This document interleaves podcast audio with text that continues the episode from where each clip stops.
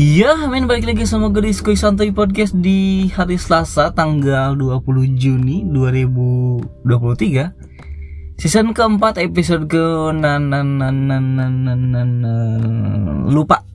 Lupa pastinya lupa pastinya gue.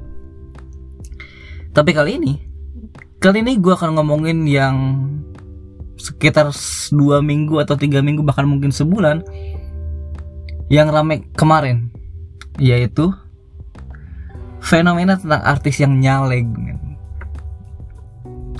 sebenarnya ini udah mau gue bahas sekitar dari sebelum HP gue mati bahkan. HP gue mati kan sekitar dua minggu tiga minggu kemarin ya. Ini sih udah udah pengen buat gue bahas cuman nanti deh nanti deh nanti deh gitu. Karena gue belum nemu yang pastinya yang tepatnya datanya gitu. Gue takut salah ngomong karena sesampah-sampahnya omongan yang keluar dari mulut gue ya itu yang harus gue pertanggungjawabkan kalau yang jadi nyale kan belum tentu tuh. Ya biasanya kan cuma ngasih janji-janji doang di awal kan ngelakuinnya enggak gitu. Ya itu sih men. Gue aja segini masih mempertanggungjawabkan omongan gue kalaupun gue salah ya Ya sekarang udah 2023 Tahun depan sekitar bulan apa ya kalau nggak salah? Juni apa Juli juga gitu. Apa bulan Bulan berapanya gue lupa sih. Kita masuk di tahun politik men. Kita itu bener-bener Ya Taunya taunya taunya politik lah. Kita milih di situ ada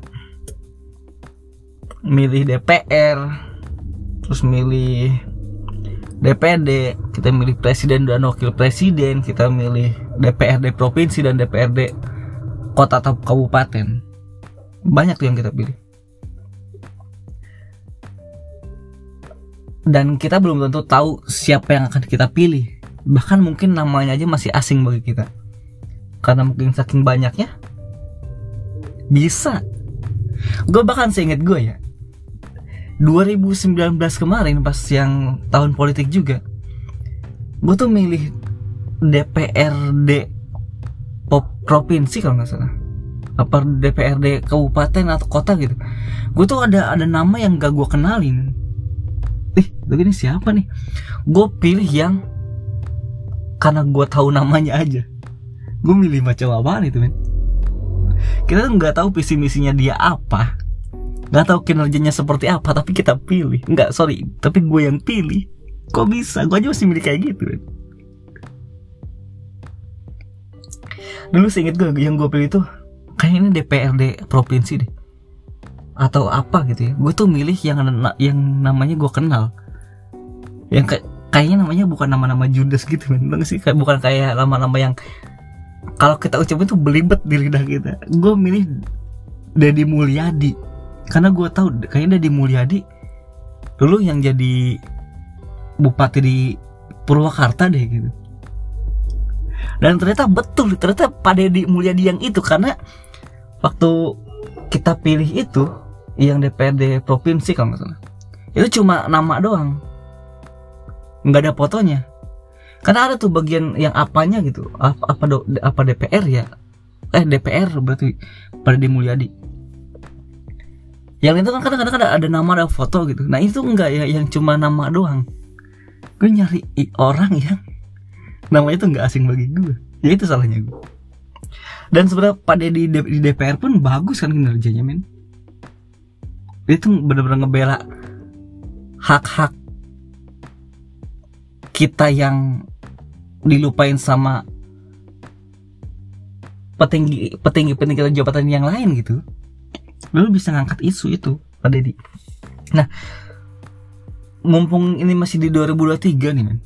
Masih ada sekitar satu tahun atau beberapa bulan ke depan masih bisa kita pertimbangkan masih bisa kita cari tahu. Termasuk artis yang nyaleg ini men. Sekarang banyak banget kan artis yang nyaleg asli mau dari partai mana kita sebutin?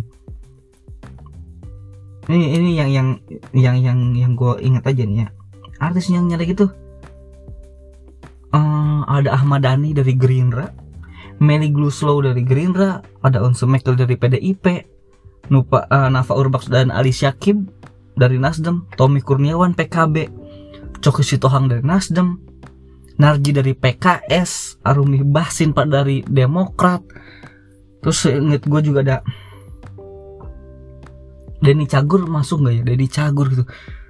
Terus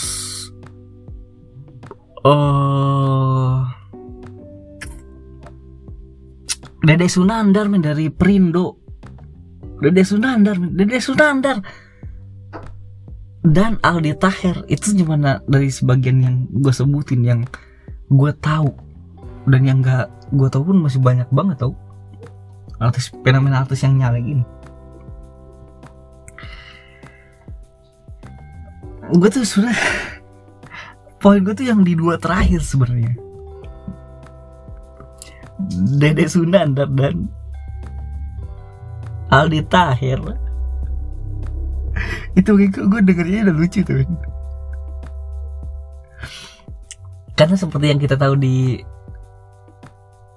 televisi gitu ya di media. Kan dia sebenarnya kan host dahsyat gitu host dahsyat dari kayak dari penonton alay bukan sih dia tuh. Terus tiba-tiba nah jadi baca lagi bakal calon legislatif dari Perindo. Diusung oleh partai Perindo men. Dede Sunandar. Gue bingung kenapa gitu? Kenapa kenapa partai bisa ngusung Dede Sunandar gue tanpa mendiskreditkan Dede Sunandar gitu ya. Ya mungkin emang dia bagus di bidangnya tapi emang gak ada yang lain gitu. Gue tuh bingung soal visi misinya aja apa gitu. Karena Dede Sunandar itu masuk di dapil 5 kota Bekasi seinget gue kayak dari Bekasi Barat Pondok Gede. Karena Dede Sunandar juga pernah tinggal di Bekasi kan? Dengan visi misi bisa mem- memajukan kota Bekasi gitu.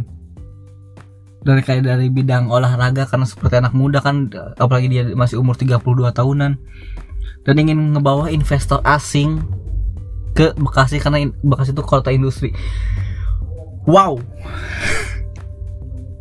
Dede Sunandar bisa ngomong kayak gitu ya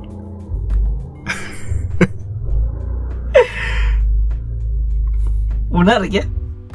Menarik tuh dan ya lu tapi lu jangan gitu dong kan sebelum itu ada kaderisasi. Ya betul. Ada kaderisasi. Kaderisasi itu adalah proses pembentukan kader untuk menjadi untuk siap maju jadi yang lebih baik aja gitu. Karena intinya kayak gitu. Kayak belajar dulu aja satu bulan gitu. Ini yang harus kita lakuin untuk jadi kader tuh kayak gini. Ini step-stepnya ini ini teorinya mungkin kayak gini prakteknya mungkin kayak gini. Tapi di situ ada campur tangan partai. Mau digimanain juga? Iya dia anggota partai. Nggak bisa ngelawan ke partai itu men. Iya nggak? Betul nggak kalau dia diusung sama Perindo ya dia harus patuh sama Perindo. Dia udah sama PDIP ya harus patuh sama PDIP Golkar harus sama Golkar gitu. Mau gimana pun sebagusnya dia tapi dia nggak akan pernah ngelawan sama partainya pasti akan ngebela partainya. Terus Aldi Tahir ini paling lucu sebenarnya. Aldi Tahir aja dia tuh bahkan awalnya katanya kemunculan dia di politik dari dua partai gue kocak kocak udah udah lucu banget itu. Terus juga ya akhirnya dia cuma satu gitu dia bahkan nggak punya visi misi men. Udah setelah gue cari nih ya gue bahkan cari dari berbagai sumber. Aldi Tahir tuh nggak punya visi misi men. Aldi tuh nggak punya visi misi men. Eh, eh bener. Yang yang gue itu Aldi Tahir mana ya? Aldi Tahir, Aldi Tahir, Aldi Tahir, ah, ah, ah, ah, ah. bahkan dia mau ngomong kayak gini sudah nggak usah pilih Aldi Tahir deh gitu ya. Nggak usah pilih Aldi Tahir jadi nyalek nggak usah yuk katanya. Kalian baca Al-Quran saja Al-Fatihah kata Aldi Tahir ditemui di kawasan Transmedia Jakarta Selatan kemarin ini gue baca dari detik.com terus Aldi Tahir berselera percuma masyarakat memilih dirinya tapi tidak membaca Al-Quran. Mantan suami Dewi Persik itu mengatakan perubahan justru akan terjadi apabila masyarakat mendekatkan diri pada Tuhan yang Maha Esa. Bagus. Karena gini katanya. Percuma kalian pilih saya sedangkan kalian gak baca Al-Quran karena sejatinya yang bikin perubahan itu adalah Tuhan. Ya kita harus berdoa kepada Tuhan, kita harus ambil hatinya Tuhan, perhatian Tuhan. Insya Allah Indonesia sejahtera. Pertanyaan gue, gimana orang non Muslim suruh baca Al-Quran? Gak ini hanya jokes saja ya. Ya gimana orang Kristen baca Al-Quran? Orang gue aja gak bisa baca Al-Quran. Gak sih terbata-bata. Terus dia justru berulah akan terus menggaungkan semangat membaca Al-Quran di gedung DPR Tapi bukan aliter kalau tidak memberikan penjelasan yang terkesan ngawur. Dan saya pengen baca Al-Quran di Senayan. Kepilih, enggak kepilih jadi anggota DPR Ya saya mau berangkat nih ke Senayan. Ya tungguin saja videonya uh, Video saya baca Al-Quran di depan gedung. Gokil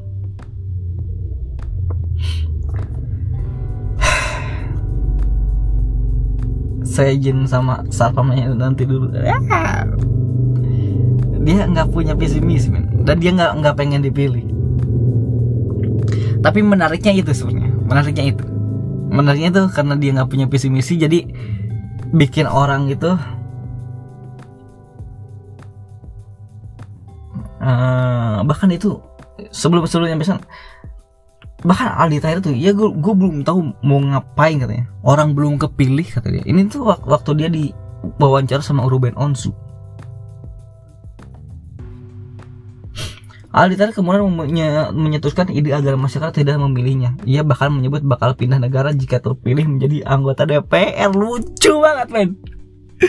Kalau jadi ke anggota DPR dia malah pilih pindah negara. Juga fine kemarin Pokoknya kalau sampai Aldi Tahir kepilih jadi anggota DPR, saya pindah negara, kata Aldi Tahir. kemarin ngapain bang? Tapi justru ya yang menariknya itu orang yang tidak punya misi-misi sebenarnya. Belum tahu mau ngapain.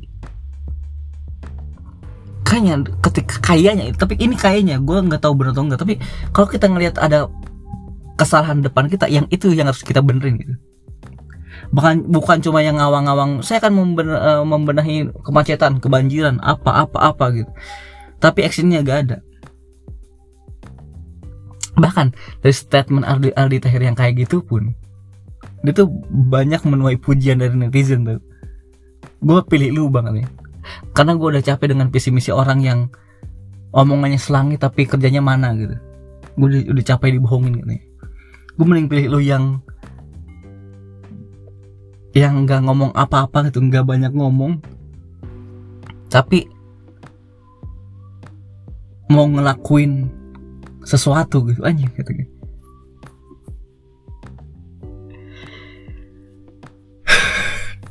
lucu tau men lucu tau men.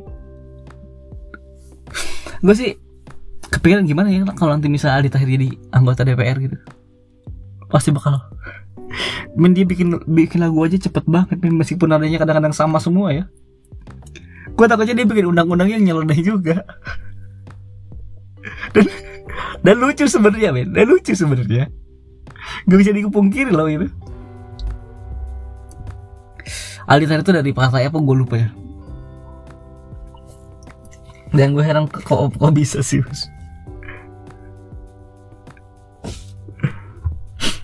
Terus dari Partai Perindo itu bahkan Partai Perindo mengumumkan bahwa dia itu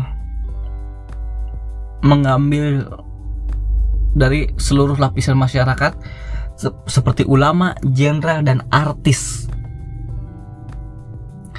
Tapi masyarakatnya di mana ya?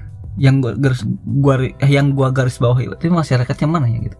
Dia itu ngambil dari ulama, jenderal dan par ah, dari artis. Masyarakat kecilnya mana?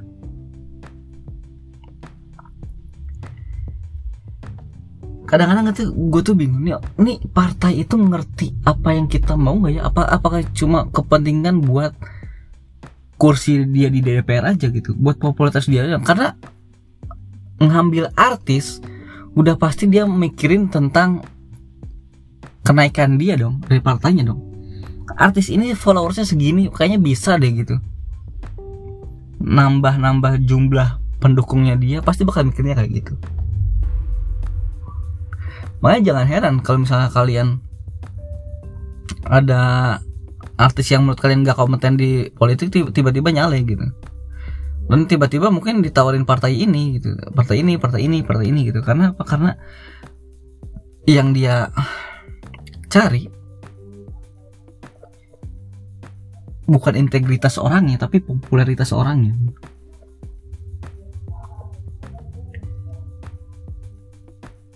nah kalau misalnya yang nanti bakal duduk di kursi DPR DPRD gitu orang seperti itu jadi mau dibawa ke mana? Sebenarnya gitu. Kita di, sekarang aja kadang-kadang banyak-banyak hal-hal yang kita nggak suka gitu. Nggak hal yang yang bagi kita ah kenapa harus ada peraturan ini sih? Ah kenapa harus kayak gini sih? gitu dengan orang yang sekarang gitu ya. Yang mungkin cukup cukup kompeten terus tiba-tiba ganti orang lagi terus ganti lagi perubahannya ya kayak gitu aja sih sebenarnya mereka berusaha ngerti apa yang kita butuh. Tapi yang kita butuh apa yang mereka butuhkan sebenarnya makanya mereka ngambil artis kan? Yang katanya lapisan masyarakat.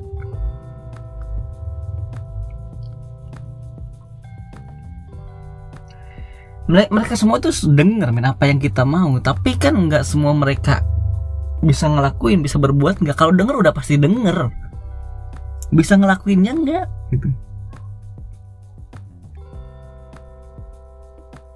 sama kayak terakhir pesan gue eh, ini kita masih ada setahun ke depan gitu. 2024 juga kemungkinan akan jadi tahun yang panas di politik. Cuman inget men di 2019 kemarin yang dari lawan aja bisa jadi menteri bisa jadi satu kabinet. Pak Jokowi dan Pak Prabowo lawan kan? Sekarang jadi menteri. Bersatu men. Lu sampai berantem di grup WhatsApp gitu. Bantu sama saudara berantem sama temen. Lah yang lu dukung aja sekarang udah nyatu min. Nah nanti masa 2024 mau kayak gitu lagi. Kalau beda pandangan politik oke okay lah. Bisa diskusi bisa debat tapi dengan cara yang sehat.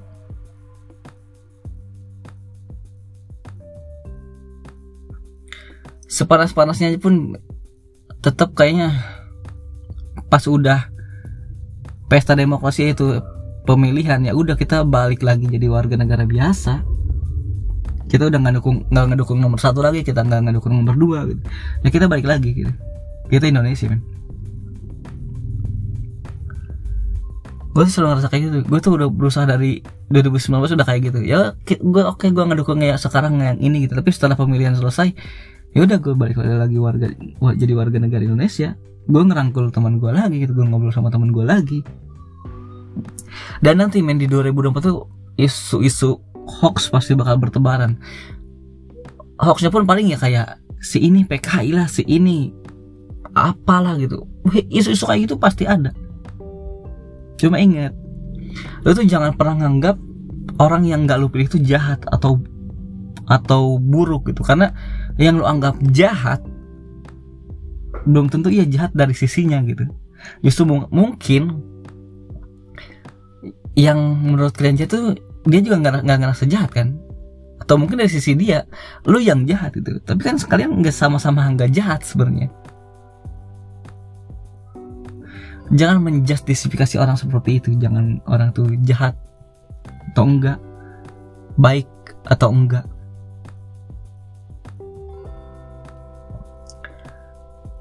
Satu lagi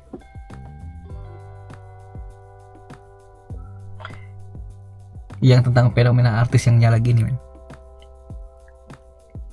Ingat kalau jadi artis aja dia tutup pintu kaca mobil cuma dadah-dadah gimana jadi pemimpin kita? Ngerti gak sudah kalau dia cuma dadah-dadah di kaca mobil gimana dia nanti pas udah jadi kepilih kayaknya cuma dia pasti bakal ngelipet tangan aja nggak turun tangan. Sekian dari gue gue Bobby ketemu lagi di selasa depan. Tetap jaga diri kalian jaga kesehatan kalian tetaplah buat diri kalian lebih bahagia dari sebelumnya. See you dan bye bye